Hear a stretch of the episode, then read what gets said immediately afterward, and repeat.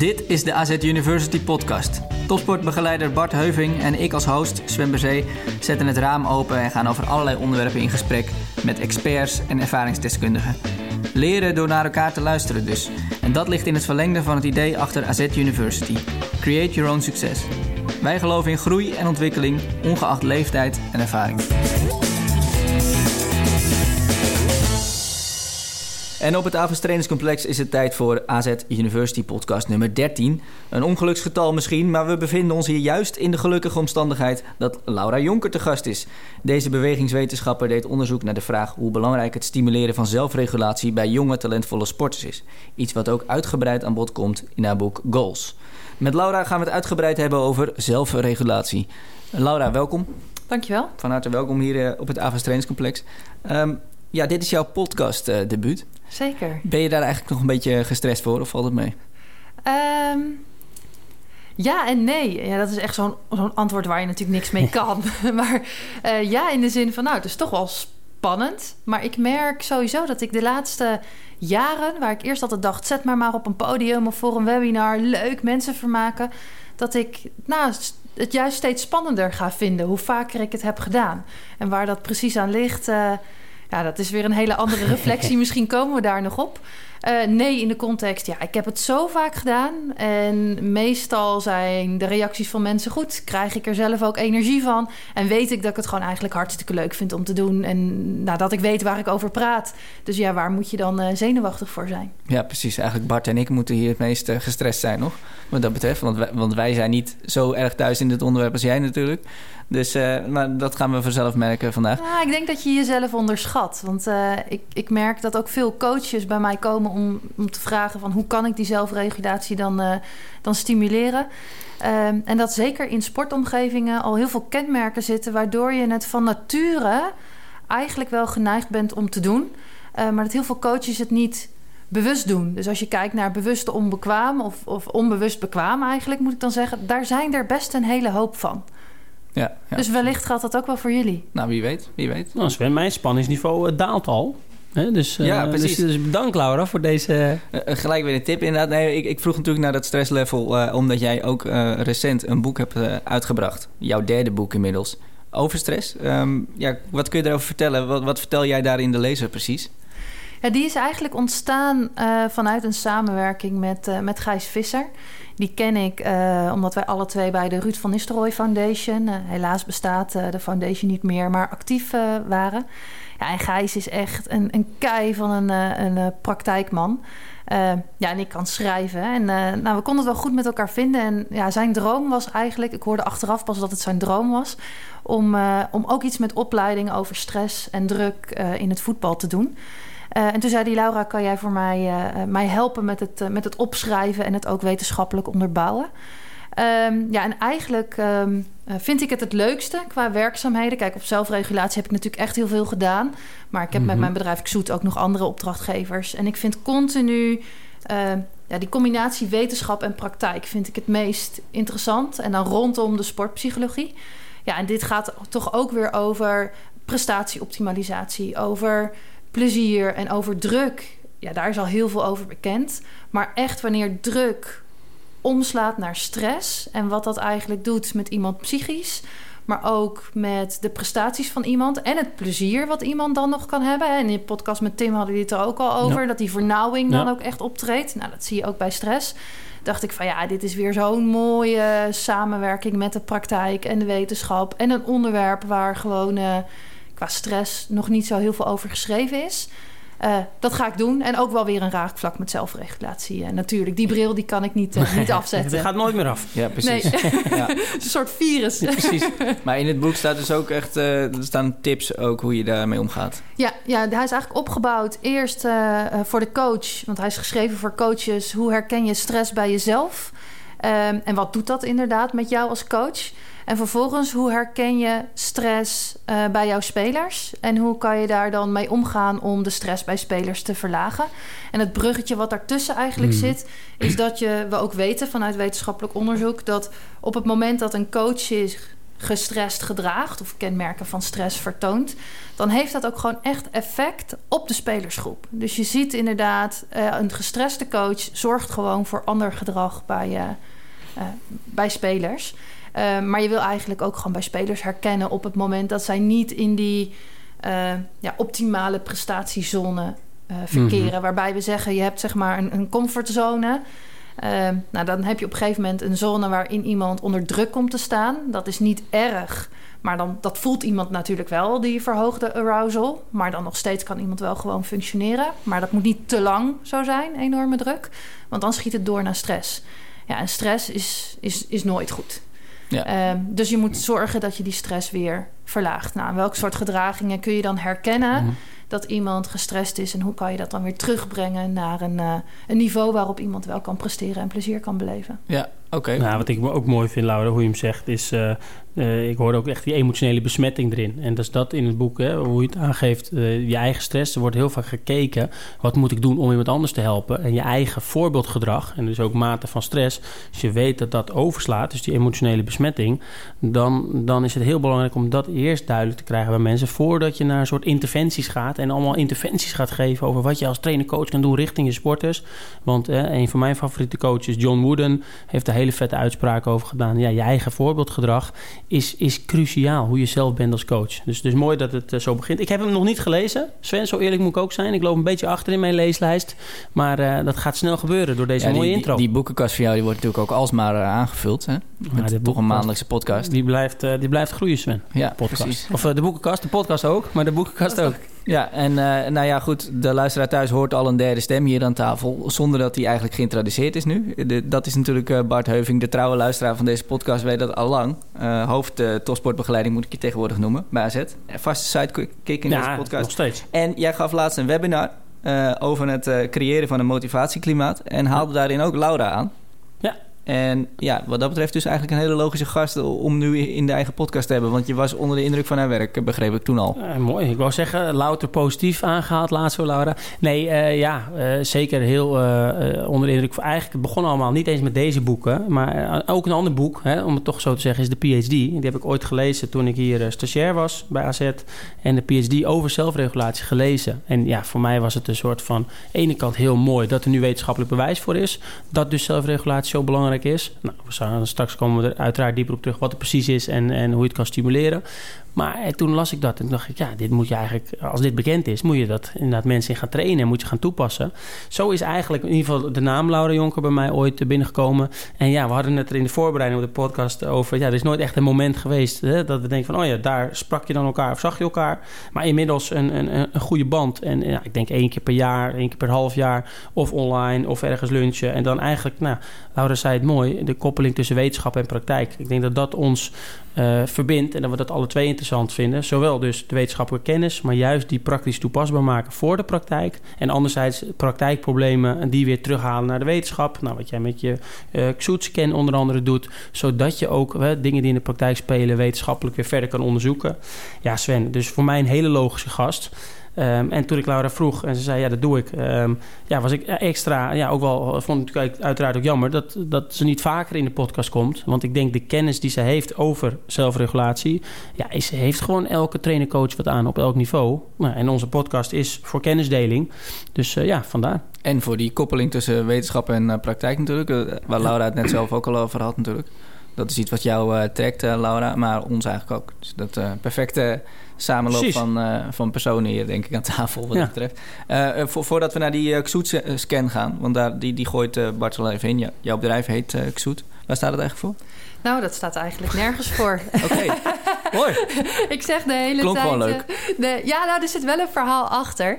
Uh, ik zeg de hele tijd van, uh, van... Ja, ik ben al een wetenschapper, ik heb een PhD gedaan... maar eigenlijk al tijdens mijn PhD dacht ik de hele tijd van... ja, maar ik wil dit voor iemand doen. Dus niet om die dokterstitel ja. of die PhD te halen... maar ik merkte toen al dat ik dacht... ik wil met trainers praten, ik wil met sporters praten... ik wil die praktijk in. Uh, maar als het aankomt op titels van boeken of titels van in dit geval een meetinstrument uh, wat ik heb ontwikkeld. Ja, daar ben ik gewoon echt heel slecht in. Uh, en dus ook toen er een naam uh, bedacht moest worden voor mijn bedrijf. En ja, Laura Jonker, ik vind het, bedankt papa, mama, mooie naam. Maar het zijn zeg maar, ja, ook letters, de L ja. en de J, die hebben ook geen body. En je krijgt dan allemaal van die flauwe afgeleiden. Dus ik zat te stuntelen. en toen zei mijn vriend, die is uh, bedrijfskundige en, en IT'er, die zei: Je moet een vierletterige URL nemen. Dat is lekker kort, kan je een mooi beeldmerk van maken en wordt waarschijnlijk ooit ook nog geld waard, want die zijn schaars. Dus wij zijn naar de vierletter generator gegaan, hebben op de knop gedrukt, hebben alle combinaties die we mooi vonden, hebben we opgeschreven. En toen kwam, uh, kwam Xoet eruit. En toen dacht ik, ja, het wordt Xoet. Daar kunnen we een mooi logo van maken, mooi beeldmerk. Mensen onthouden het. Ja. En, uh, en nu wachten ik laat hem wel. Het is nu eigenlijk alleen nog wachten op de dag dat dat, dat woordje heel veel geld waard wordt. Jazeker, maar ja ik, ja, ik weet niet of ik hier in die podcast reclames kan maken. Maar van heel veel bekende merken ja. uh, weten we eigenlijk ook niet meer wat de betekenis is. Nee. En op een gegeven moment denk je inderdaad sowieso aan het product wat dat merk, mm -hmm. uh, merk ja, biedt. Dus ik dacht, ik wil gewoon een lekkere URL die mensen onthouden. En ik krijg heel vaak deze vraag en iedereen moet lachen. dus het werkt goed. Nu, nu, ja, dat ook. En, en voor, voor eens en voor altijd nu opgelderd waar het voor staat. Precies. Dus, uh, maar voordat we straks naar de, de Xoet-scan gaan... Uh, eerst eventjes zelfregulatie. Ja, wat, wat is dat eigenlijk? Laten we even kijken naar wat het precies betekent. Uh, ja. Laura, dus aan jou om het uit te leggen. Ja. ja, zelfregulatie gaat eigenlijk over kennis en kunde over het eigen leerproces. Uh, het gaat dus over mensen die heel goed weten wat uh, zij moeten doen, uh, gemotiveerd zijn ook om dat te doen en dat dus ook doen om nou, verder te komen in wat ze willen bereiken. Dus dan heb je het heel praktisch gezien, heb je het over doelen stellen, heb je het over een planning maken, heb je het over evalueren, heb je het over nadenken over eigen sterke en zwakkere kanten en wat dat dan voor jou betekent. Dus dat betekent bijvoorbeeld hier op het veld bij AZ een, uh, een, een, trainingsgroep. Daar zitten twee jongens zitten in dezelfde uh, trainingsgroep met dezelfde trainer, hebben veelal dezelfde oefeningen. Maar omdat zij andere kenmerken hebben, andere sterkte en zwakke kanten, uh, is het voor hun dus eigenlijk belangrijk om binnen die oefeningen die ze aangeboden krijgen van die trainer, net de accenten of de focus te leggen op andere dingen, omdat dat hun verder brengt in hun carrière. Nou, nu pak ik een voetbaltechnisch, maar dit kan natuurlijk ook gaan over zelfvertrouwen of meer mentale aspecten. Maar technisch, dat, uh, dat spreekt altijd wat lekkerder tot de verbeelding. Uh, maar eigenlijk zijn het dus gewoon mensen die heel bewust bezig zijn met hun eigen leerproces. Ja, is, is dat iets wat bij AZ getriggerd wordt, uh, Bart? Nou ja, ik, ik, las dus ooit, toen ik in stagiair was, de PhD. En meteen dacht ik, hey, de PhD van, van Laura. ja, ja, over zelfregulatie, uh, excuus. En, en toen dacht ik al van, hey, eh, die kennis die ik daarin las... dan ging ik dan met die bril ga je dan naar de praktijk kijken. En precies hoe Laura het net zegt, ja, dat verschil zag ik... tussen die, even die hypothetisch, die twee jongens. Maar ik dacht ook, hey, als dat een verschil is... Uh, verschillen staan niet in steen gebeiteld... laat dan die jongen die dat minder heeft... en de, daar wat of oefeningetjes of geven... of gewoon puur even spiegelen van, hey, ik zie dit en dit. Ja, en... en ik vergeet in de laatste tijd te benoemen, Sven, uh, Kobe Bryant, toch ook een andere rode draad in de podcast. Nou, er is, er is dus, en, het schijnt dus dat er één podcast is geweest waarin niet, is, niet ja, in is genoemd. Dat is dus niet goed. Ik geloof het niet helemaal, maar nee, het schijnt zo te Ja, ik heb het ook gehoord. Van, van, we hebben een aantal trouwe luisteraars. En misschien moeten we daar een keer een event voor organiseren. Want ik ben wel, hè, die, die gun ik wat.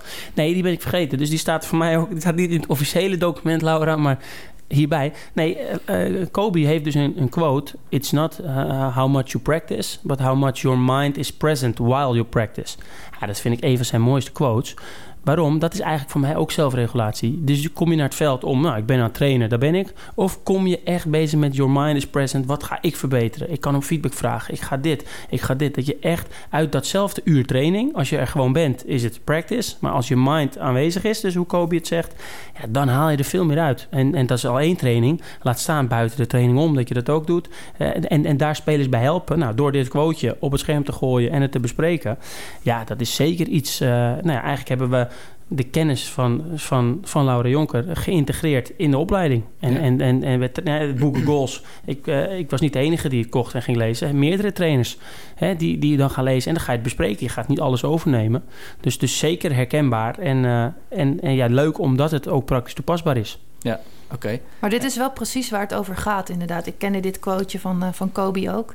Maar eigenlijk was die al veel eerder bekend. En dat vind ik ook altijd wel grappig bij dat samenspel tussen wetenschap en praktijk. Hè. Een, een, een, hele bekende theorie is bijvoorbeeld ook de deliberate practice theorie. Even los van hoeveel uren je nou echt moet maken. Want dat is, daar kunnen we ook een podcast uh, mee vullen. Of dat er inderdaad 10.000 moeten zijn. Gaan we doen. Maar ook de beste, ja, ook de beste heer Erikson, die ja, eigenlijk ja. De, de, de grondlegger is van die theorie, die zei al: don't practice mindlessly. Ja. Alleen iedereen is op die 10.000 uur gaan focussen van dan doen we het goed. Maar eigenlijk zei hij al van je moet wel nadenken uh, wat je doet. En vanuit ja, wetenschappelijke studies, die staat dan uh, in, mijn, in, mijn, uh, in mijn eerste boek, zien wij ook dat als je kijkt naar het aantal trainingsuren wat voetballers, maar ook andere sporttalenten op dit moment maken, dan verschillen dat vroeger best wel veel van elkaar. Hè, dus het was eigenlijk mogelijk om met iets minder uh, ja. aanleg, fysieke aanleg, dat je het compenseren, kon compenseren door gewoon meer te trainen.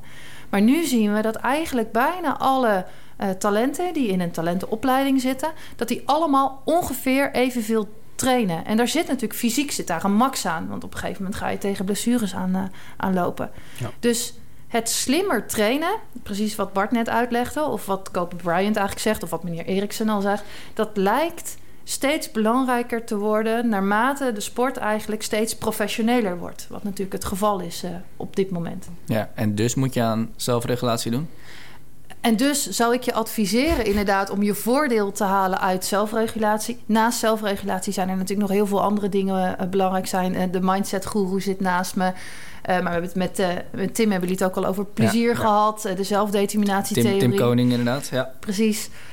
Maar we weten vanuit wetenschap dat als je... we hebben jongeren gevolgd, zeg maar, in een talentenopleiding. En we hebben gekeken, we hebben een aantal jaar gewacht. En toen ze uiteindelijk wel of niet de top hebben gehaald... dus dat wisten we nog niet toen we ze meten... hebben we naderhand teruggekeken. Dan zien we dat als je wil voorspellen, tussen aanhalingstekens natuurlijk, want voorspellen blijft moeilijk.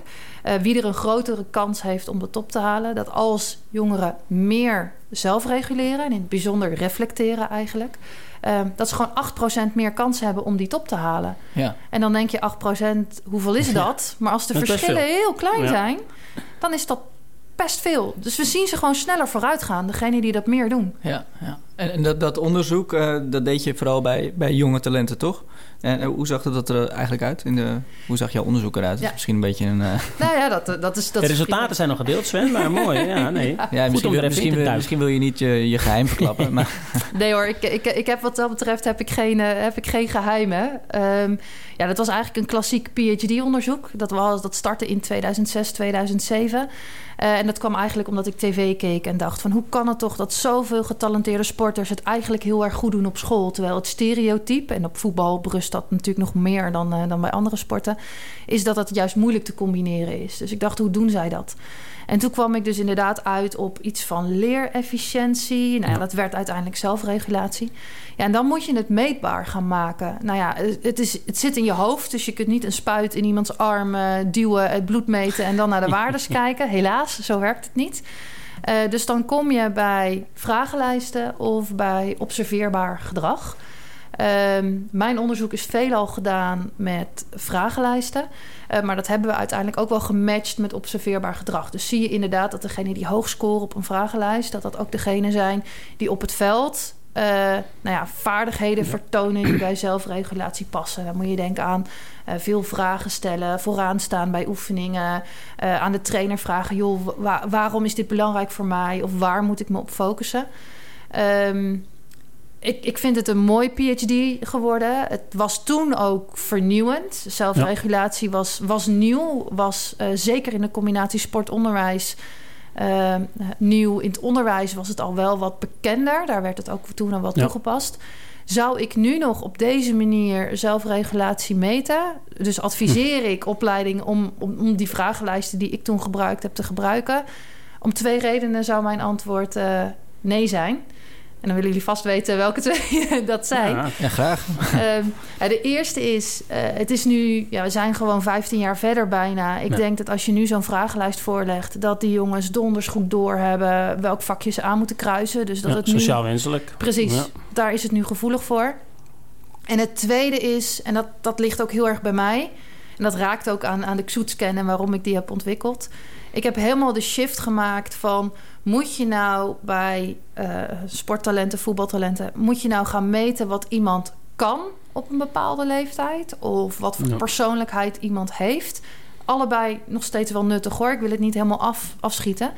Maar als je weet dat het ontwikkelbaar is, is het dan niet veel handiger om te meten hoe de omgeving eruit ziet? Dus hoe je het traint. Want als je weet dat iemand het kan ontwikkelen, moet je iemand dus niet, uh, niet selecteren of, of hè, buiten een selectie laten omdat hij het niet kan. Nee, dan moet je de, heb je volgens mij de verantwoordelijkheid als jeugdopleiding of als trainer om de omgeving zo in te gaan richten dat je iemand inderdaad stimuleert om het te gaan ontwikkelen. Want heeft iedereen dan dezelfde potentie om dat te ontwikkelen of verschilt dat weer heel erg per persoon? Dat verschilt uiteraard per persoon. Uh, of het nou over fysiek gaat of het over mentaal gaat. Dat, ja, weet je, mensen verschillen van elkaar. Dus de potentie die iemand heeft op uh, aspect X, Y of Z... dat verschilt tussen personen. En dat zie je dus ook op zelfregulatie. Nou, dat zal Bart ook herkennen. Sommigen doen het van nature, hoef je niks te tuurlijk. doen. Die hebben, of, of jij zegt of van nature, maar soms is het dan al... dan spreek je de ouders en dan kom je erachter... hé, hey, die hebben dat echt eigenlijk al heel erg getraind. Nee, Sven, een mooie verdiepende vraag. Daar niet van. Maar ik wil juist eigenlijk zeggen toen ik die PhD las, en inderdaad, reflectie was een van de belangrijke ook. Hè, dus als je meer reflectie doet, vergroot het de aantal jaar later de kans dat je profvoetbal haalt. Nou, dat las ik. Dus met trainers in gesprek van hey, hoe gaan wij reflectie dan stimuleren? Want uh, als het belangrijk is en je wordt niet geboren dat je goed kan reflecteren. Ik bedoel, dus, dus inderdaad, die transitie waar Laura het nu over heeft vanuit haar PhD naar nu, herken ik heel erg. Um, en ja, daar hebben wij eigenlijk het meest contact over gehad. Van, hey, dan zei ik tegen Laura, ja, die omgeving, hoe, gaan we dat, hoe ga je dat dan doen? Nou, dat werd later ook een boek, maar daarvoor hadden we het natuurlijk al over. Ja, denk aan deze oefening, denk aan dit, denk aan deze documentaire, denk aan dit verhaal delen. Allemaal verschillende manieren, waardoor je eigenlijk de kans vergroot dat mensen door de goede omgeving meer aan zelfregulatie gaan doen. Wat vervolgens weer de kans vergroot dat je profvoetballer wordt. Maar, en wat ik dan het allermooiste ook nog vind, is stel je haalt het niet. Hè, dus we doen al deze dingen zodat jouw kans om profvoetballer te worden is vergroot. Je haalt het niet, maar je hebt wel deze skills ontwikkeld in de jeugdopleiding. Heb je daar je rest van je leven wat aan? Want die zelfregulatievaardigheden kan je dan ook in andere dingen inzetten. Ja, en dat maakt natuurlijk, vind ik, uh, een, een een theorie. Een, een, een, het klinkt altijd alsof het helemaal niet praktisch is, maar in ieder geval een, begrip wat, wat veel meer geïntegreerd moet worden, omdat het die win-win heeft. Je gaat er dus en betere profvoetballer van worden, of in ieder geval de kans vergroten, en je hebt er daarnaast wat aan. Ja, waarom zou je het dan niet uh, toepassen? Nee, precies. En, en, Laura zei net van, het was toen nog nieuw, toen, toen jij met dat onderzoek kwam, 15 jaar geleden ongeveer. Uh, is dat niet gek eigenlijk dat dat nieuw was überhaupt. Het, is iets wat natuurlijk eigenlijk... wat je altijd had kunnen doen... Uh, al was je keizer in de Romeinse tijd bijvoorbeeld. Ja, uh, ja, ik denk het wel. Ik zeg ook het was nieuw, maar dat komt omdat we natuurlijk zijn gaan kijken naar het, het begrip zelfregulatie, het woord zelfregulatie, het, het onderzoek doen naar zelfregulatie binnen sport en in mijn geval ook in combinatie met onderwijs, omdat je het inderdaad, het zijn skills die je ook op andere plekken kunt gebruiken. Zijn dingen echt nieuw? Ja, ik vind dat altijd heel lastig. Ik heb natuurlijk ook ter voorbereiding een aantal van jullie podcasts gelezen. En toen dacht ik, is dit voor mij echt nieuw? Nee, het is gewoon weer een andere bril om naar de materie te kijken. Kijk, uiteindelijk is, dit is bijna filosofisch, maar eh, het leven is het leven. En mensen zijn continu met elkaar in interactie. En iets is, wordt vaak nieuw op het moment dat het grijpbaar is of dat er een stempel opgeplakt is. In dit geval van jouw vraag is dat zelfregulatie. Dat betekent niet dat het in de Romeinse tijd niet bestond. Er was alleen nog niemand geweest die, de term erop had geplakt en die er een wetenschappelijke publicatie van had gemaakt, bij nou, wijze van spreken. Dit is een hele mooie koppeling. En we moeten, uh, wij van WC 1 adviseren WC 1. Dus wij moeten ook onze andere podcast altijd een beetje promoten hier. Maar eigenlijk is dit wel, Sven, wat Peter Roosbeek natuurlijk zei. Hè, dat we, we hadden het met hem over mindset. En hij zei, ja, ik ken dit begrip eigenlijk helemaal nog niet. Maar alles wat ik later erover las, ja, dat heb ik in mijn jeugd gedaan. Hè, en toen, eh, toen, dat vond ik heel mooi hoe hij dat zei. Eigenlijk dat hij het bijna gewoon onbewust bewust al, al die dingen had gedaan. Waar we het toen ook over hadden. Van ja, en daar is op een gegeven moment Carol Dweck heeft daar de term op geplakt. En heeft daar een PhD ook over gedaan. En wetenschappelijk onderzoeken daarna nog heel veel. Maar natuurlijk, het is juist mooi om die, en die, die, die, die wetenschap te verbinden met de praktijk. Ja, en dat is in dit geval denk ik uh, ja, vergelijkbaar waar we nu op uitkomen. Dus dat is mooi, Sven. Ja, een beetje verbinding. Absoluut, absoluut. En inderdaad, wij van WC Eend, dat is altijd goed. dat, we, hebben, eh, we hebben er nu al zeker twee podcasts uit het verleden horen voorbij. We zullen nu dus- stoppen, luisteraars. Dat dus, jullie niet denken van wat is dit. Nou, Maar, behalve als ik het doe, hè, dan mag het. nou, dat wordt, dat Dat wordt het, gewaardeerd. zeker, Dat zeker. wordt gewaardeerd. De- dus graag. ja, ja. Maar to- toch even over die, eh die eh. Eh, Het is zelfs moeilijk eh, uitspreekbaar. Maar eh, die heb jij ontwikkeld. Ehm, en je meet de zelfregulatie van zowel trainers als spelers. Eh, hoe werkt dat dan precies? Want het gaat blijkbaar heel anders dan jouw onderzoek destijds. Nou, ik meet de zelfregulatie dus niet. Ik meet dus niet wat Ja. iemand doet of wat iemand kan. Eh, wat ik meet is bij de sporter hoe iemand het, het ontwikkelklimaat of het leerklimaat ervaart. Dus hoeveel aandacht of stimulans ervaart hij, in dit geval van de coach, eh, op zelfregulatie. Dus voelt hij zich gestimuleerd om te, te reflecteren, even heel concreet. Het meet ik trouwens op, op zes kenmerken, maar ik pak nu even reflectie voor het voorbeeld. Ehm, en ik vraag aan de speler in hoeverre dit matcht bij wat hij eigenlijk graag zou willen. Ehm, en dan krijg je dus via een soort ja, gap-analyse, door de ervaring en de, de behoefte met elkaar te vergelijken, krijg je dus eigenlijk beeld: deze speler zou wat meer feedback willen. Of deze speler heeft juist wat minder ondersteuning op reflectie nodig. Nou, autonomie is ook een van de dingen eh, die we daarin meten. Ehm, en bij de trainer eh, meet ik ook niet hoeveel die zelfregulatie eh, zelf doet.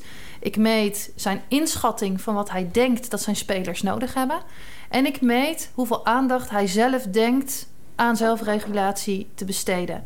Eh, en daarmee reflecteer ik dus eigenlijk de trainer op zijn eigen blinde vlekken als het gaat om zelfregulatie. En doordat de trainer weet waar zijn blinde vlekken zitten, kan hij dat dus weer matchen met de beleving van spelers. Dus ik meet helemaal niet meer of iemand het nou veel of weinig doet. We weten dat het belangrijk is, maar dat vind ik dus niet zo interessant om dat te meten, omdat het trainbaar is. Ik vind het interessanter om te meten wat is nou inter- de interactie tussen die speler en die trainer en wat kan die trainer dan doen om die speler wat meer te helpen. Want als die te ver van de behoefte af gaat zitten, ja, dan ben je de speler kwijt. Ja. Eh, daag je hem niet voldoende uit, dan maakt iemand dus niet volledig gebruik van de potentie die hij op dat gebied mentaal op zelfregulatie heeft. Eh, en zo probeer ik dus eigenlijk juist om trainers te helpen en spelers ook. Want ja, ik had hem eigenlijk ontwikkeld omdat ik twee typen trainers tegenkwam. Eén die zeiden: Ik doe heel veel zelfregulatie. En dan keek ik en dan denk ik: Onze meningen verschillen. En de tweede type trainer kwam naar me toe en die zei: Ja, Laura, ik geloof je, maar hoe weet ik nou of ik het goed doe? Uh, dus ik had hem ontwikkeld voor die trainers om hun een antwoord te geven van wat heeft jouw spelersgroep en elke individuele speler nou nodig. Uh, maar nu blijkt de bijvangst te zijn als we hem inzetten, dat het ook spelers helpt om van jongs af aan woorden te leren geven aan dit Ja. soort mentale processen. En dat is niet heel gebruikelijk voor, voor jonge mensen. Want ja, je gaat niet aan iemand vragen: hey joh, uh, vind je het lekker om veel te reflecteren? hey joh, heb je veel autonomie nodig? Dat, dat is raar. Dat soort vragen stel je niet. Niet snel. Maar doordat je dit op dit zo'n manier doet, um, merk je dat er, dat er ruimte en openheid komt om eigenlijk dingen te bespreken. Joh, als trainer, ik wil wat meer feedback van je. Of ik vind het vervelend op het moment dat je in die specifieke situatie uh, in mijn nek zit te hijgen. Zo ervaar ik dat. Of mijn feedback is kritiek. Of nou, dat soort dingen. Dit, dit uh, wat jij zegt, Laura, doet mij meteen denken aan Foppe Daan. Hè, met dat woorden geven. Foppe Daan, hè, die, die eh, vind ik een trainer die waarschijnlijk het begrip zelfregulatie ook niet kende, maar al wel jaren toepaste vanuit de kennis en kunde die hij had. Um, hij heeft op een gegeven moment uh, bij met Ruud van Nistelrooy, Sven, het, uh, het, nou, daar heb ik eigenlijk over gezegd, jouw boek wat hier niet op staat, maar je hebt voor de Ruud van Nistelrooy Academy, of hoe heet het, Foundation, Foundation. ook een boekje geschreven, doelgericht coachen. Ja, twee zelfs. Ja, Eén voor kinderen en één voor trainers. Oh, dan heb ik die voor trainers, alleen die gelezen. Maar, eh, en ik ken het verhaal natuurlijk van Foppe en, en, en, en Ruud. Dat toen Ruud daar kwam bij, uh, bij Heerenveen... dat Foppe de Haan hem eigenlijk een boekje gaf. Hè, met, met, nou, schrijf hier maar je reflecties in op. Hè, schrijf hier maar je doelen in op. Gaf hij hem een leeg een document met... Uh, ik ben benieuwd naar jouw leerdoelen.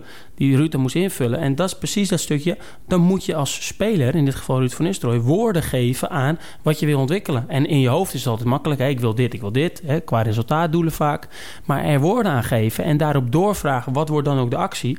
Eigenlijk heeft hij op best wel late leeftijd... want toen Ruud van Nistelrooy heen ging, was hij al best oud... is eigenlijk Foppe Haan uh, zelfregulatie gaan trainen bij hem. Door middel van, en het staat ook in goals trouwens, dat voorbeeld van, van Ruud. Dan noemen ze het een doelenschriftje volgens mij. Maar, maar dat zijn eigenlijk hele mooie manieren die niet misschien voor iedereen altijd werken. Een vraag eerder van jou Sven. Maar oh bij, in ieder geval bij Ruud van Nistelrooy heeft het goed gewerkt. Kijk naar zijn resultaten. Maar ook benoemt hij ook echt letterlijk. Hij is een keer bij Wereld Draait Door gekomen met Foppe Daan. Waarin ze het daar samen over hadden. En nu, en dat vind ik het mooie. We zijn er net een betere voetballer is hij door geworden.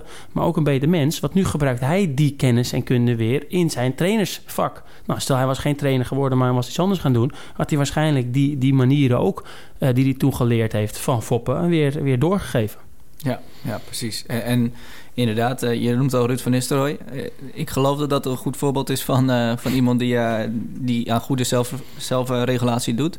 Zijn er nog meer goede voorbeelden van eigenlijk, Laura? Ja, er zijn natuurlijk legio uh, goede voorbeelden. Ruud is er wel echt één als, als speler. Ik, ik, heb hem voor die foundation ook een paar keer mogen interviewen. En ik, nou, ik ben nog steeds... Ik, het voelt echt als rijkdom dat ik dat mocht doen... en ook even in zijn hoofd uh, daardoor mocht kijken. Als speler deed hij het. Maar nu als coach, als je goed oplet... doet hij het inderdaad weer. Precies wat, uh, wat Bart zegt. Uh, mooie voorbeelden. Ja, dan ben je eigenlijk geneigd om natuurlijk bekende namen aan te halen. Maar Epke Zonderland is, is ook zo'n prachtig voorbeeld uh, daarvan. Uh, iets wat me daarbij heel erg bijbleef, is dat hij precies weet wat hij moet turnen om inderdaad door te komen naar een volgende ronde. Dus heel bewust bezig ja. zijn met wat ik moet doen. Um, Sanne Wevers met de balkoefeningen, dat ze zich gaat focussen op, uh, op pirouetten, is daar natuurlijk ook een voorbeeld van. Hè. Kijk naar je eigen sterke, zwakke kanten. Ik ben goed in pirouetten, krijg ik veel punten voor, dat ga ik ja. uitbreiden.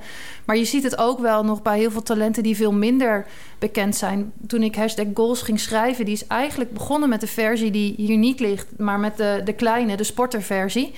Uh, om precies wat ik zei. Hè? Je, je wil naar dat doelenboekje toe. Je wil dat die sporter ja. iets gaat doen. En ik ben toen een aantal klimmers ben ik gaan, uh, gaan interviewen.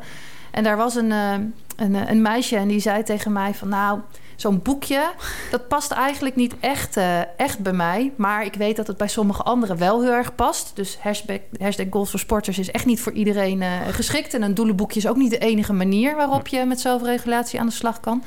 Maar zij zei ook, dat komt ook omdat ik op dit moment geblesseerd ben. En als ik nu heel veel ga reflecteren, dan maakt dat me alleen maar ver, verdrietig. Want dan zie ik de rest vooruit gaan en zelf niet. Het is iedere keer een spiegel van dat ik niet ben waar ik had willen zijn. Dus eigenlijk zelf reguleer ik op dit moment helemaal niet. En dat zij dat zo kon verwoorden en onder woorden kon brengen. is al. Dat, dat vond ik een prachtig voorbeeld van iemand die, die zelf reguleert. Zonder dat ik het nu meteen ga koppelen, inderdaad, aan een Ruud of een Epke of een Sanne. Allemaal mm -hmm. mensen die het natuurlijk gehaald hebben. Je ziet het ook echt al in de ja. aanloop er naartoe. Dit soort hele mooie voorbeelden. Uh, van, van sporters die dat doen. En die daar dus heel bewust naar kijken ja. wat dingen voor hun betekenen en, en, en wat belangrijk voor hen is. Ja, en, en voor de duidelijkheid, het, het, betekent niet per se dat je altijd alles zelf moet doen en bepalen in je Nee, nee, nee, zeker niet. Nee, ik vind zelfregulatie ook geen mooi woord. Maar ja, we hadden het net al over zoet. En ja, uh, om nou ineens heel weer... alsof je... En, en je noemt dan ook nog eens uh, individuele sporters zoals... Nou ja, ze, ze turnen ook wel eens een teamverband. Maar Epke, Epke Zonderland, Sanne Wevers. Uh, maar toch, het zijn meer individuele sporters dan voetballers, denk ik. Past er daar ook nog meer bij dan? Mm, we hebben er wel naar gekeken. Want als je echt kijkt naar, ja. de, naar de cyclus van zelfregulatie... we halen reflectie er nu uit. Dat is een beetje de start. Hè? Wat zijn mijn sterke en zwakke kanten? Wat moet ik doen om beter te worden? Nou ja, op basis daarvan ga je een, een doel stellen. Op basis daarvan maak je een planning. Halverwege kijk je of je nog op schema ligt. En achteraf evalueer je of dit inderdaad de juiste strategie ja. was.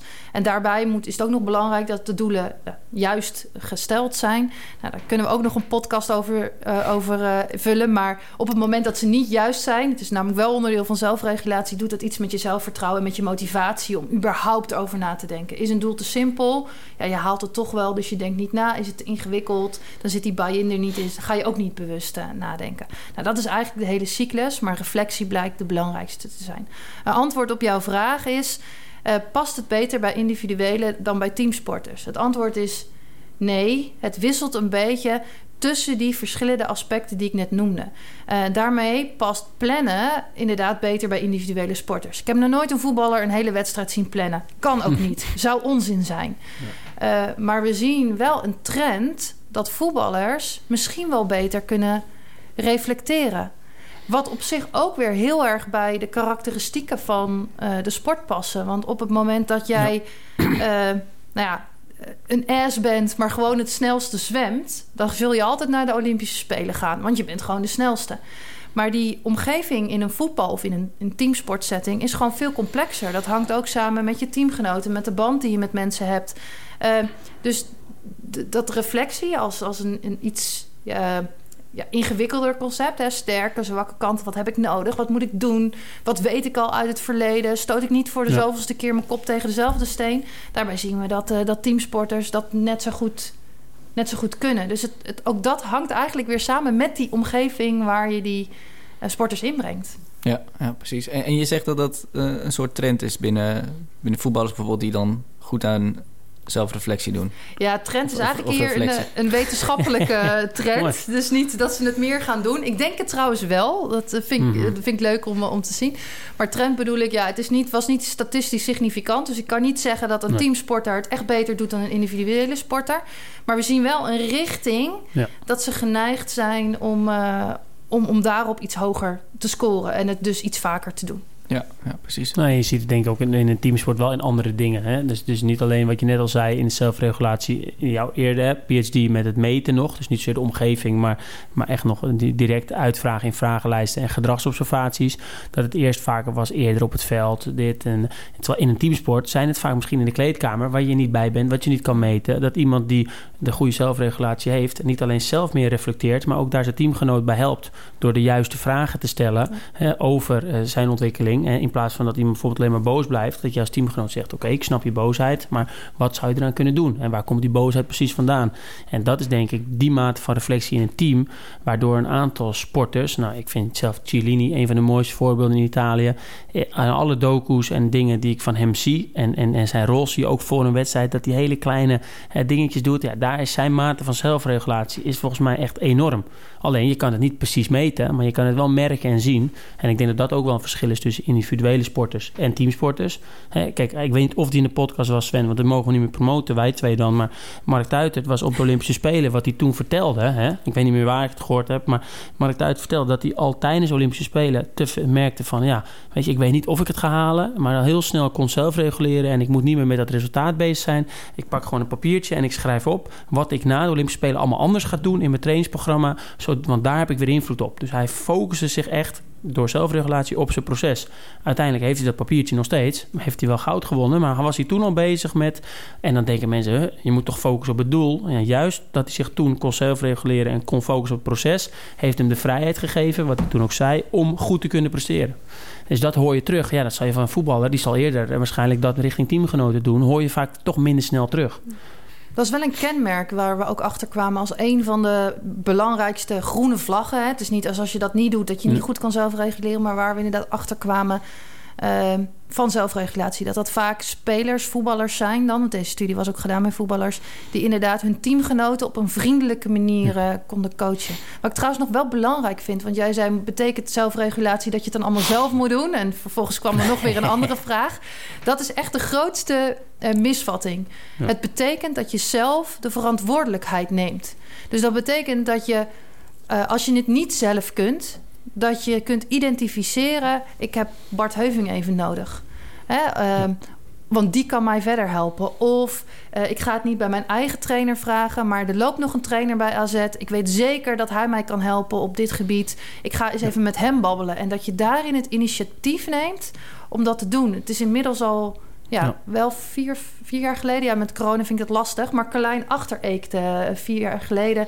die toen uh, zelf het initiatief had genomen... om bij een bepaalde schaatscoach te gaan trainen. Stond bol in de media. En iedereen vond het zo bijzonder en dapper dat ze dat had gedaan. Ik dacht alleen maar, ja, maar dit is waar zelfregulatie ook over gaat.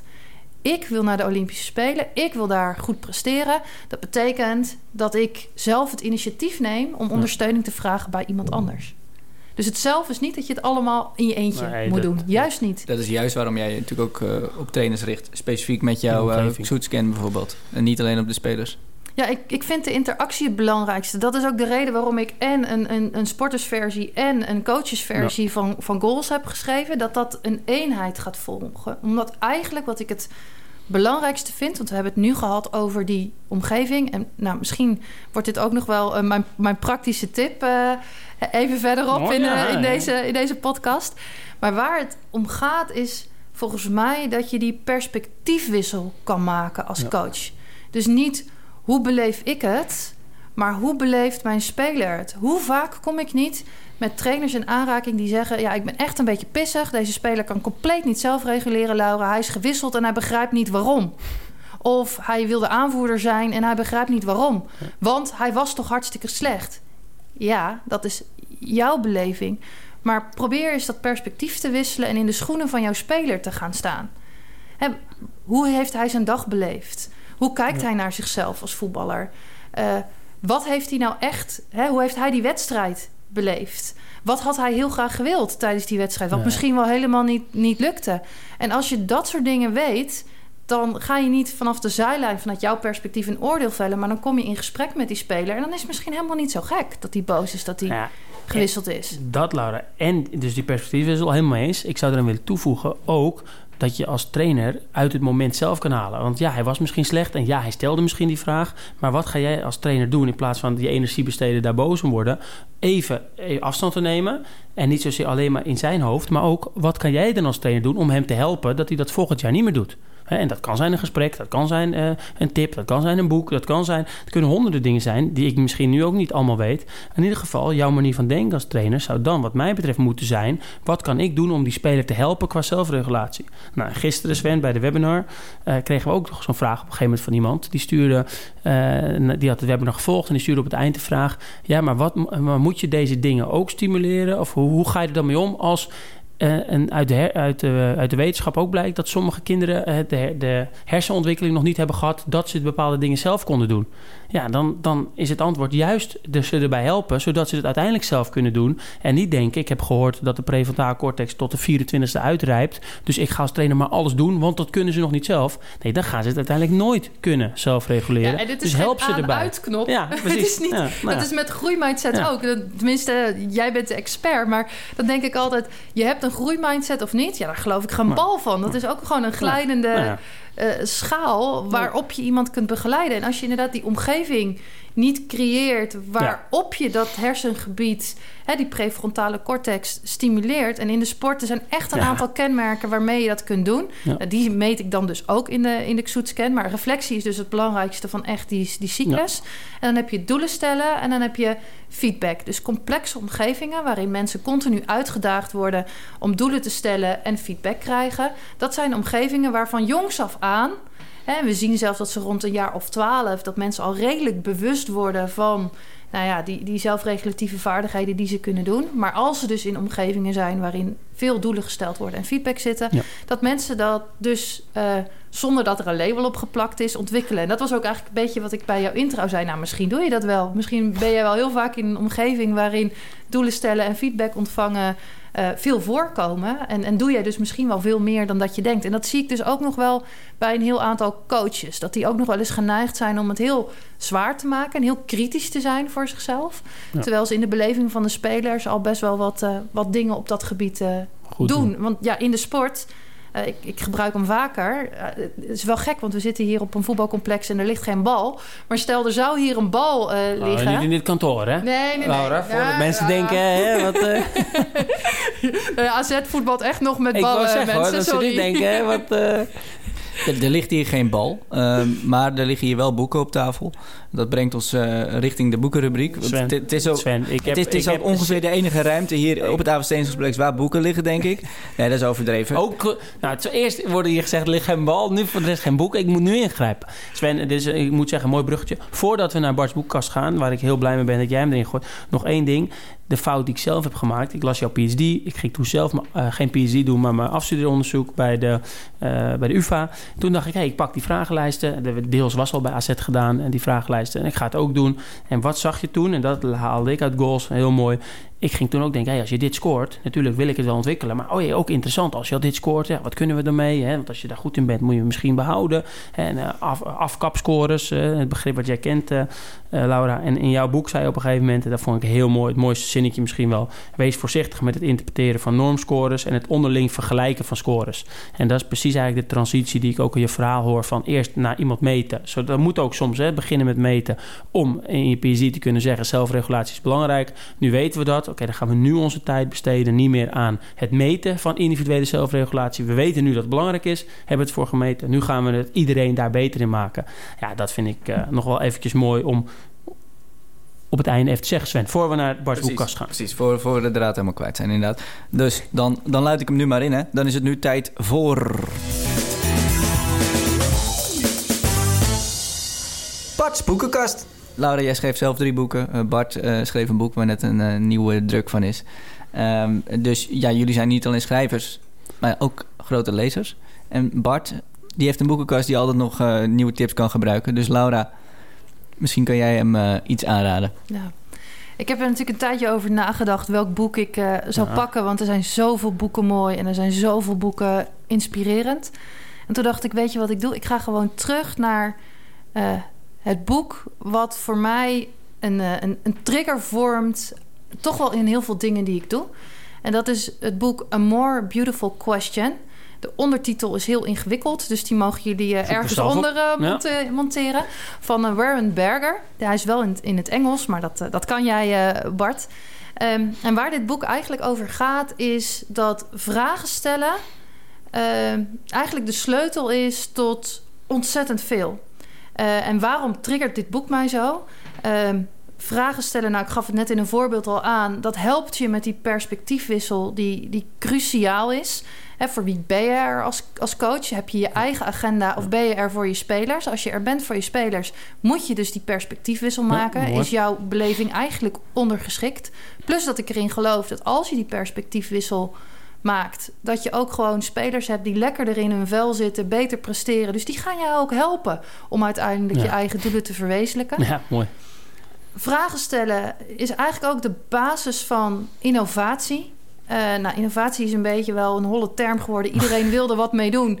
Maar de vraag ja. waarom kan iets niet of waarom bestaat iets niet, is eigenlijk de basis van ja. de, de motivatie dat mensen dingen gaan ontwikkelen. Ik krijg als het over feedback gaat, krijg ik heel vaak de vraag of feedback hard mag zijn. Nou, we weten natuurlijk heel veel over feedback op de taak of op de persoon. Uh, positief of negatief. Nou, negatief is in Engels mooier change related. Want dan negatief is feedback kan niet negatief zijn als het een goede bedoeling heeft. Maar soms helpt het ook gewoon om feedback te verpakken in een vraag. Dan komt het minder ja. hard aan. Uh, en de vraag van coaches heeft eigenlijk geleid tot de Xoetscan. Het stellen ja, van vragen ja, zorgt voor een PhD. Dus eigenlijk is dit het boek, A More Beautiful Question. Hoe stel ik nou een goede vraag? En hoe zet ik hem in, waar dit boek over gaat? Is voor mij eigenlijk een soort van grondlegger voor heel veel dingen die ik doe. Dus ik dacht, ik, ik pak die. Ja, heel Sven, mooi, ja, ik. ik. moet even bijkomen, maar dat is meer gewoon... Uh, ik wil hem eigenlijk al gaan bestellen meteen. Uh, ja, nee... Uh, je hebt hem in ieder geval nog niet. Ik heb... Nee, dat is al sowieso leuk natuurlijk, hè. Want soms heb je hem al en dan kan ik niet mijn boekenkast vullen, want dan staat hij er al. Nee, dus ik ga hem zeker bestellen. Het, terwijl je het zegt, denk ik inderdaad, ja, inderdaad, innovatie. Dit, dit soort dingen zou innovatie moeten zijn en wordt vaak vergeten. Um, ik moet ook meteen denken aan een boek dat ik dan wel in mijn boekkast heb staan en toevallig in begonnen ben. En dat is Socrates op sneakers. Dat is van Elke Wis. En die gaat het eigenlijk ook hierover hebben. Of gaat het over? Die heeft het hierover. Dus, dus die heb ik wel. Maar deze ga ik zeker aanschaffen. Nee, en, en ik denk niet alleen voor mij. Als ik het zo hoor, denk ik... Ja, ik, uh, laten we massaal gaan, uh, gaan bestellen. Ja, nee, dan, dan spekken we de auteur ook nog eens. Dus, uh, ja. En uh, Elke Wis, misschien ook leuk om een keer uit te nodigen in de, in de, ik, in de ben, ik, ben, uh, ik heb de eerste contacten zijn gelegd, Sven. Oké, okay, nou, wie, wie weet dat ze ooit hier maar we hopen in dat, de podcast uh, voorbij komt. Nou, ik denk een hele mooie boektip. Um, ook voor de, voor de lezer thuis, toch? Het is, het is niet alleen voor Bart, denk ik, interessant. Nee, zeker nee. niet. Al, al, heb ik wel een beetje gezocht... omdat ik weet dat Bart veel leest naar een boek waarvan die dacht... die heeft hij waarschijnlijk uh, nog niet. Nee, ja, de, mooi, maar dus mooi. ik ben blij ja, dat dat gelukt nee, dat is. is zeker gelukt. Ja. En het moest een bepaald niveau hebben, dus... Uh, Uh, je kan moeilijk nee zeggen nu, toch? Nou ja, ik bedoel, je hebt een Janneke taal. Uh, ja, ja, speciaal mag ook, hè? Ik lees ook voor, hè? Als vervent boek lezen wil je dat ook doorgeven. Niet alleen emotionele besmetting, maar ook gedragsbesmetting. Dus de boekenkast van mijn dochtertje is ook al aardig gegroeid. Daar is die iets minder geschikt Ja, daar voor, nog, uh... hè? Die moet voor later. Oké, okay, goed om te weten. Uh, Bart, uh, je, je, werd net al goeroe genoemd. Ja, we moeten wel een beetje opletten, Sven, met die termen. Want, uh, Zoals goeroe? Nou ja, maar ook gewoon, kijk, ik hou wel van een complimentje, net als iedereen, denk ik. Maar we moeten het niet... Hè, dat, dat, hoe wou ik eigenlijk ingrijpen? Maar jij, jij vindt goeroe een compliment? Nou ja, dus eigenlijk niet. Want dan lijkt het net alsof je er, alles van weet, wat zeker niet zo is. Ik vind het gewoon een dusdanig mooi begrip, mindset, dat ik zou willen dat iedereen er in zijn opleiding, nou eigenlijk een beetje vergelijkbaar denk ik wel, als ik even voor Laura mag spreken, waarom zij de boeken schrijft. Niet omdat ze per se op de kaf wil staan, Laura heeft geschreven, maar een boek wat er nog niet is, waarvan jij hoopt dat als het er zou zijn, mensen er beter, of spelers in mijn geval, er beter door opgeleid worden. Dat is waarom mindset uh, voor mij, ja, waarom ik er altijd door gefascineerd ben.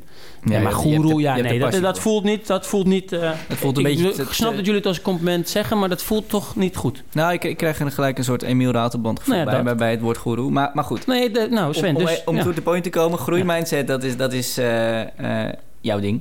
Uh, Mooi. Gaat dat eigenlijk hand in hand met zelfregulatie? Want ik heb het gevoel van wel. Ja, nou ja, kijk, de, toen ik de PSD las en, en dacht ik van... hé, hey, ja, dit herken ik al in mijn eigen praktijk. de, met sporters met wie ik gewerkt heb, maar ook toen ik zelf nog sportte.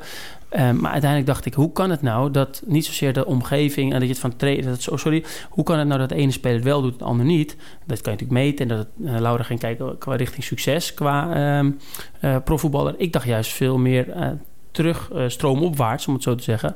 Hoe kan het nou dat de ene het wel geleerd heeft en de ander niet? Los dus van de aanlegcomponent. En toen uh, las ik veel ook over groeimindset. En toen dacht ik, hey, eigenlijk, volgens mij, dat werd toen mijn onderzoek ook op de, uh, op de UvA. Hey, uh, als jij gelooft dat jouw talent voor iets vaststaat, ja, waarom zou je dan een zelfregulatie gaan doen? Want je bent toch goed? Of andersom, hè, dat is een statische mindset. Maar anders statische mindset, als jij gelooft, ja, ik ben nou helemaal niet slim, waarom zou je dan een zelfregulatie gaan doen? Want ja, je bent toch niet slim. Dus ik ging kijken van, hey, hoe, hoe hangt de groeimindset, de overtuiging dat je kan ontwikkelen, lijkt mij eigenlijk de motivationele basis om aan zelfregulatie te gaan doen. En, en dat gaan onderzoeken, nou, daar kwam inderdaad uit dat je, in, in, uit mijn resultaten, dat je eerder aan zelfregulatie gaat doen als je een groeimindset hebt. Dus ik zie het echt in een soort van verlengde van elkaar, waarin groeimindset meer gaat over welke overtuiging heb je en zelfregulatie veel meer gaat over welke vaardigheden heb je en kan je die inzetten. Maar, maar ik zie het echt als een soort, ja, in het verlengde van elkaar. Ja, jij zei inderdaad in, uh, in aanloop naar deze podcast, zei je al van, uh, je gaat pas een zelfregulatie doen als je een doel voor ogen hebt. Dus dat is uh, de kern hierin. Ja, en, en de kern, en, en misschien niet alleen het woordje doel, maar ook als je um, nog wel misschien mooi, je gaat pas een zelfregulatie doen als je gelooft dat je kan ontwikkelen. Want waarom zou je het anders uh, doen? En daar valt doel natuurlijk weer onder als je een ontwikkeld doel hebt. Dus uh, ja, nee, uh, ik ben natuurlijk benieuwd of Laura dat ook zo ziet. Want ja, ik kan. Daar ben ik ook benieuwd naar. Ja, ik ben, ik ben het daarmee eens. Uh, nou ja, ook, ook in hashtag calls beginnen we daar nu ook ja. bewust mee. Van maak spelers eerst bewust van hoe ze eigenlijk ergens naar kijken. En als je inderdaad ontwikkelgericht bent of je hebt een, een groeimindset, ben je ook eerder geneigd om te gaan, uh, gaan zelfreguleren. Ja. Uh, nou zit dat sowieso natuurlijk wel in veel psychologische uh, begrippen. Dus voor mij zijn inderdaad groeimindset, ja. zelfregulatie horen erbij. Maar ook de zelfdeterminatietheorie, die ik ook bewust onderdeel uit heb laten maken van die Xoetscan hoort er ook bij. Want op het moment dat je geen goede band hebt met een trainer, is feedback al snel kritiek. Ja. En uh, sommigen willen echt onwijs ondersteund worden. Ja, Anderen oh. willen juist meer autonomie erin. Dus het gaat ook heel erg over als je zo'n omgeving creëert. Meer is niet altijd beter. Hè? We zijn ook nog wel eens als het gaat om autonomie, om te zeggen: hé, je moet iemand heel veel autonomie geven. Maar autonomie is ook wel loslaten. En dan klettert iemand kapot. Dus dat is niet waar. Je moet inspelen op iemands ja. behoeften. En eigenlijk gaat het er continu over in mijn beleving. En ik, ik kijk dan door een zelfregulatiebril en Bart door een groeimindsetbril. Dat je dat klimaat creëert ja. waarin die spelers uh, zelf die verantwoordelijkheid gaan nemen om te willen. En daar raakt ja. hij dus ook weer de groeimindset. Uh, ontwikkelen en ook vertrouwen te hebben in de veiligheid van die omgeving. En daar raakt hij dan weer uh, de zelfdeterminatietheorie. dus je pakt hem als wetenschappers, pak je er natuurlijk iets uit om het meetbaar te kunnen maken. Ja. Maar eigenlijk, als je het mij vraagt, is het Zit gewoon het, uh... een soort brei van, van uh, belangrijke dingen die jij als coach bij kunt dragen aan de ontwikkeling van zo iemand. En dat is ook wel, maar ja, dat weet jij ook, een van de meest recente inzichten op de groeimindset. Ook daar zijn mensen geneigd om te focussen. Heeft een speler een groeimindset of niet? Hè? We gaan weer meten of iemand hem heeft. Nee, het blijkt nu heel belangrijk te zijn dat de speler het gevoel heeft dat de trainer een groeimindset heeft over hem. Met andere woorden, geloof de trainer in mij. Nou, daar zit ook weer die parallel met die, met die Xoet-scan van... Die trainer is, ondanks dat iemand hier maar een aantal uren per week is... is zo'n belangrijke beïnvloeder voor dat ontwikkelklimaat wat gecreëerd wordt. Wat vooral zo'n groeimindset als vanuit zelfdeterminatie... dus ook intrinsieke motivatie als zelfregulatie belangrijk is. En die trainer die heeft dan een aantal tools waarmee die aan de slag kan. En groeimindset is, is een belangrijke voorloper op dat iemand inderdaad meer bereid waarschijnlijk is om te gaan zelfreguleren. Ja, die, die, die onderzoeken, ja, ik vind het heel mooi. Daar hebben we ook trouwens met eh, onze Amerikaanse collega's, Laura, wel eens uh, gesprek over gehad online. Dat is wel lastig qua tijdsplannen, Sven. Maar goed, dat, dat, lukt nog steeds. Ja, dat is fantastisch om te zien. Die doen inderdaad echt daar nu wetenschappelijk onderzoek naar, die, de, twee, eh, de twee Amerikaanse collega's van ons. Over inderdaad hoe belangrijk daar de omgeving in is en welke mindset diegene heeft. Terwijl juist in de andere kant in de literatuur zie je nu heel veel kritiek op groeimindset. Want dan wordt het, onderzoek herhaald ergens. Uh, of mindset invloed heeft op presteren. En dan wordt er eigenlijk uh, een workshop van een uur gegeven door iemand. Die wordt eigenlijk over die workshop wordt een beetje over de schutting gegooid bij de, bij de leerlingen uh, of bij de, bij de sporters. En dan wordt er geen resultaat gevonden. En dan wordt er gepubliceerd: groeimindset is hoax, het bestaat niet. nee, ja, als je zo onderzoek gaat doen en na één uurtje een workshop gaat geven, ja, dat, dat is ook niet. Hè, dat, dan is het niet in de omgeving, dan leeft het niet. Het moet echt, en toen zei zelfs iemand in die onderzoek als kritiek... we, hebben, we zijn erachter gekomen dat groeimindset alleen werkt als je erin gelooft. Dus bestaat het niet. Waarop mijn antwoord eronder was, nou, dus bestaat wel. Je hebt alleen gevonden hoe je het dus niet moet stimuleren. En dat is het over de schutting gooien bij leerlingen in een workshop... terwijl je eigenlijk zelf misschien er helemaal niet in gelooft als ouder, als leraar, als trainer. Ja, maar dit raakt ook een beetje aan wat jij net zei. Je corrigeerde jezelf voordat je zei... ja, zelfregulatie is een, een theorie ja, dit, nu maak ik het heel groot, net alsof iedereen moet, moet zelf reguleren. Maar volgens mij heb ik al genuanceerd dat het een soort brei is die, mhm. met een heel aantal tools. Maar voor mij is het meer een way of doing. Dus je hoeft van mij niet een hele training lang uh, iemand te leren zelfreguleren. Dan wordt iemand horend dol en dan plezier is snel uit het voetbal weg. Ja.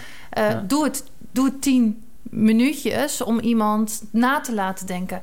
Je, hoeft, moet niet zeggen, joh, dit is een groeimindset en dat is belangrijk en nu heb je het of heb je het niet. Nee, het moet continu naar die voorbeeldrol van die ja. continu geïntegreerd zijn. En dan, ja, dan komen we weer bij het stickers plakken. Dan maakt het mij ook eigenlijk niet uit of het groeimindset nee, of zelfregulatie of welke sticker je erop plakt.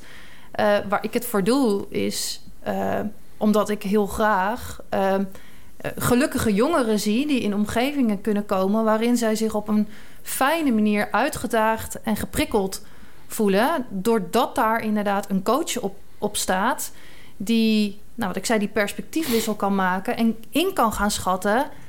Hoe zet ik deze speler aan? Hè? Ook een vraag die ik vraag, ja. krijg van coach. Hoe bereik ik iemand en waarmee prikkel ik hem dan? En wat is belangrijk? En nou, als, je, als je dat hebt, dan heb je die die prestatiebevordering. Maar ja, ook dat plezier. Want iemand wordt uitgedaagd, de band is goed, iemand krijgt inspraak.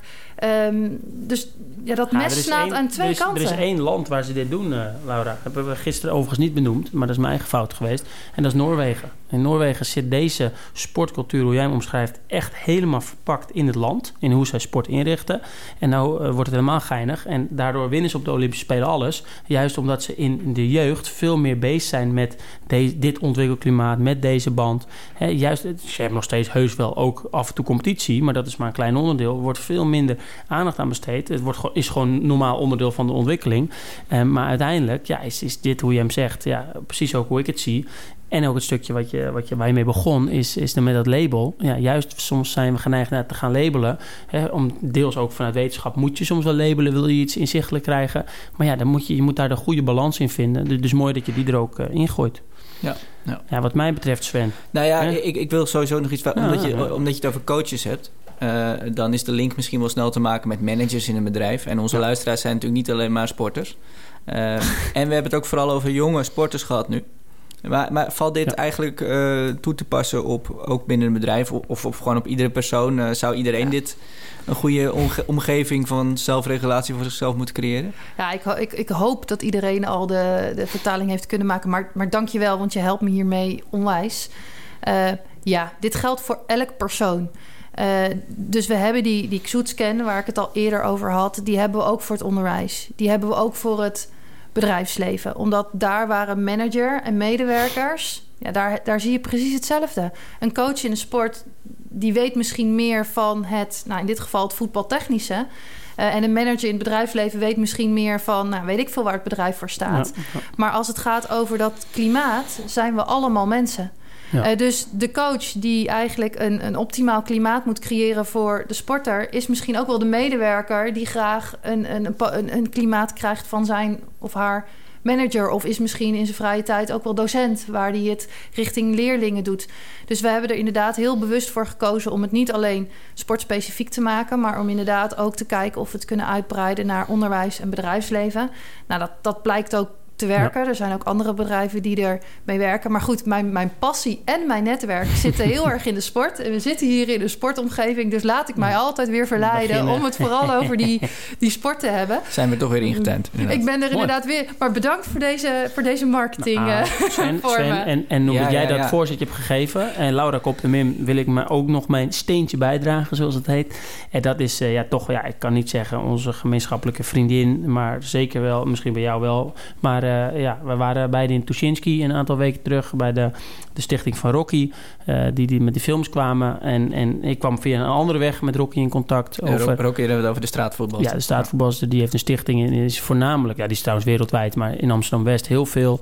Daar hoorde ik al wat verhalen over. Dan ben ik toen eens wezen kijken wat ze doen. Nou, eigenlijk ook weer integreren ze en mindset en zelfregulatie richting die meiden die ze helpen in Amsterdam-West dus. En, en nou, uh, vervolgens uh, komen wij in contact met iets anders en Laura laat zien met de Xoetsen. En ik zie die naam. Dus nou, hadden we het toch ook weer over. Dus het is niet alleen in onderwijs of alleen in bedrijfsleven of alleen in sport. De stichting van Rocky gebruikt hem eigenlijk de, het meten om, om de, ja, de, de, de meiden die ze helpt. Wat weer een koppeling is tussen deels onderwijs, deel gemeenschap, deel sport. Juist ook een soort van mengelmoes. Ook weer om, om die feedback te krijgen, om die omgeving nog beter in te richten. Ja, en dat past wat mij betreft ook. Hè. Het is niet, zijn niet per se topsporters, die meiden. Maar hè, ze, ze, ze doen alles door elkaar. En daar wordt ook toegepast. Ja, het is echt wel heel gaaf wat ze, wat ze doet. Want wat je vaak ziet, even los van de inhoud van haar eh, sociale programma's en, en wie zij is als persoon en de energie die daar omheen hangt, dat, dat doet ze echt heel goed. Uh, vind ik het heel tof dat zij inderdaad bij mij kwam en zei van, uh, van Laura, ik doe dit met die meiden. En wat je heel vaak ziet in klassieke manieren om te meten of een sociaal programma, of dat werkt, is achteraf vragen hoe ze het gevonden hebben. En zij zei, ja, ik geloof daar niet zo in. Ik geloof heel erg in die, in die duurzaamheid. Dus ik focus me op, op enkele jongeren. Um, en niet op, op heel veel die t-shirts uit ga delen. Ik chargeer nu heel erg hoor. Uh, maar ik wil heel graag weten of ik het leven van ja. die enkele jongeren kan veranderen. Kan je mij helpen? Dus toen ben ik inderdaad met haar ook weer door gebruik te maken van oh. wetenschappelijke methoden. Ben ik gaan kijken hoe zit jouw programma in elkaar? Uh, welke theorieën horen daaronder? En kunnen wij dan een meetinstrument ontwikkelen? Dus hij is net anders dan Tuurlijk. de Xoetscan. Ja. Hij is voor haar tailor-made. Maar kunnen we dan een uh, meetinstrument ontwikkelen waarmee ik de impact van mijn programma meetbaar kan maken? En nu is dat dus onderdeel van alle programma's die ze doet. Dus of ze nou naar Gaat of naar Curaçao of hier in Amsterdam West, kijken we gewoon echt wat doet het met het stellen van doelen, wat doet het met ja. de groeimindset, wat doet het met het zelfvertrouwen van jongeren, waarbij we dus, als je het hebt over geheimen weggeven, meten aan het begin, tussentijds en aan ja. het einde om echt die ontwikkeling te zien en dus weg te blijven van een oordeel. Uh, ja, heb je wat geleerd? Want ja, die jongeren die ja. hebben aandacht gehad, die hebben het leuk gehad. Dus natuurlijk hebben die iets geleerd. En zij loopt er nu dus ook onwijs tegenaan dat ze vanuit een aantal sponsoren krijgt van ja, maar je bereikt maar 20 mensen uh, opschalen. Nee, dus we zijn nu bezig om te kijken of we ook het ripple effect kunnen meten. Dus als wij die, het leven, want we weten dat we dat leven van die 20, dat we dat nu veranderen. Als we dat voor elkaar krijgen, hoe zijpelt dat door naar de community waarin die jongeren zitten? Dus niet meer tellen hoeveel t-shirts je hebt uitgedeeld, maar gewoon echt kijken naar ja. wat doet zo'n olievlek met zo'n community. En ik vind dat echt gaaf dat ze dat doet. Maar ook dat ze dat gewoon aandurft om daar gewoon anders te denken. Het is voor mij een superleuke uitdaging om weer die wetenschap en die praktijk te combineren. Ja, ja, fantastisch. Nou ja, daarmee zeg je eigenlijk al, ja, we, we, moeten helaas naar het einde. Mhm. en we, we, sluiten dan altijd af met, met een praktische tip van papier naar praktijk. Dus eigenlijk wat jij zegt, van wetenschap naar praktijk. Dus, dus heb, jij, ja, heb jij één goede afsluitende praktische tip ja, om iemands zelfregulatie uh, te vergroten of zijn vermogen daartoe? Ja. De sleutel die zit in dat stellen van die vragen. Je kunt zelfregulatie trainen door vragen te stellen. Want doordat je vragen stelt aan mensen, uh, zet je ze aan. Zet je ze aan het denken. En dat is dan natuurlijk handig dat dat open vragen zijn en geen suggestieve vragen. Dus niet vind je ook niet dat. Zoals ik die vraag stel. Eigenlijk zoals ik vaak mijn vragen stel, zo moet ik het zeggen. Ik vond je vragen eigenlijk wel leuk. Ik ben vooral gelukkig. Gewoon kijken, kon ik er inhoudelijk antwoord op geven. Ik heb niet zo snel. Nee, ik heb geen niet analyse. Beoordeeld. Geen analyse. Nee, nee, dat kan nog als je terug luistert. Toch, horen die, het toch die stress, hè? Dat ik daar dan niet scherp op ben geweest. Nee, ik, ik, ik, zou, ik zou echt inzetten van, van stel gewoon eens wat vaker inderdaad de vraag waarom iets zo is. Om iemand aan te zetten, te denken. Je hebt die perspectiefwissel. Je, je zet mensen aan het denken. Uh, dat is eigenlijk het belangrijkste. En als er geen ruimte is om die vraag te stellen. Ik bedoel, er zijn situaties waarin je gewoon best wat directiever uh, moet zijn, misschien wel om het voor elkaar te krijgen. Leg dan altijd uit waarom iets zo is. En niet omdat ik dat uh, zeg of daarom, zoals jonge ouders nog wel eens geneigd zijn te doen. Hoe gaat dat, Bart? Maar, uh, goed, goed. we gingen richting Goed hoor, ja, ik zeggen, ik moet naar de wc. stel, stel de vraag en stel, stel je oordeel uit stel de vraag, daar pak je zoveel, zoveel moois mee? Niet makkelijk, maar wel noodzakelijk, zou ik bijna zeggen. Ja, zeker niet makkelijk. En helemaal niet als je wat ongeduldig ook nog bent aangelegd. Maar ja, wel noodzakelijk. Misschien wel de basis van veel, denk ik. Ja. ja. Hele mooie afsluiting. Denk ik. Hele mooie afsluiting zelfs. Laura, hartstikke bedankt. Oh, dat zijn, ja, Sven, sorry. Dat, dat zegt normaal Sven. Maar ja, nou ja uh, laten we het een keer anders doen. Bedankt jij vooral, Laura. Ik wil ook Laura bedanken. Sowieso. Graag gedaan. Voor, uh, want voor mij was het ook onwijs leerzaam. We begonnen natuurlijk deze podcast al met uh, in ieder geval van mij de opmerking van... jij weet hier veel meer van dan ik. Dat bleek ook zo. Maar nu weet ik ook veel meer over dit onderwerp. En hopelijk de, de, luisteraar thuis ook. Dus bedankt voor jouw komst naar het Avas Trainingscomplex. succes. Onder meer met de verkoop van, jou, uh, van jouw boeken, maar vooral met het uh, uitdragen van, jou, uh, van jouw kennis. Um, ja, binnenkort zijn Bart en ik er weer voor een volgende podcast. Dus ja, hou, daarvan, hou daarvoor de kanalen van AZ en AZ University in de gaten. Hartelijk dank voor het luisteren en tot dan.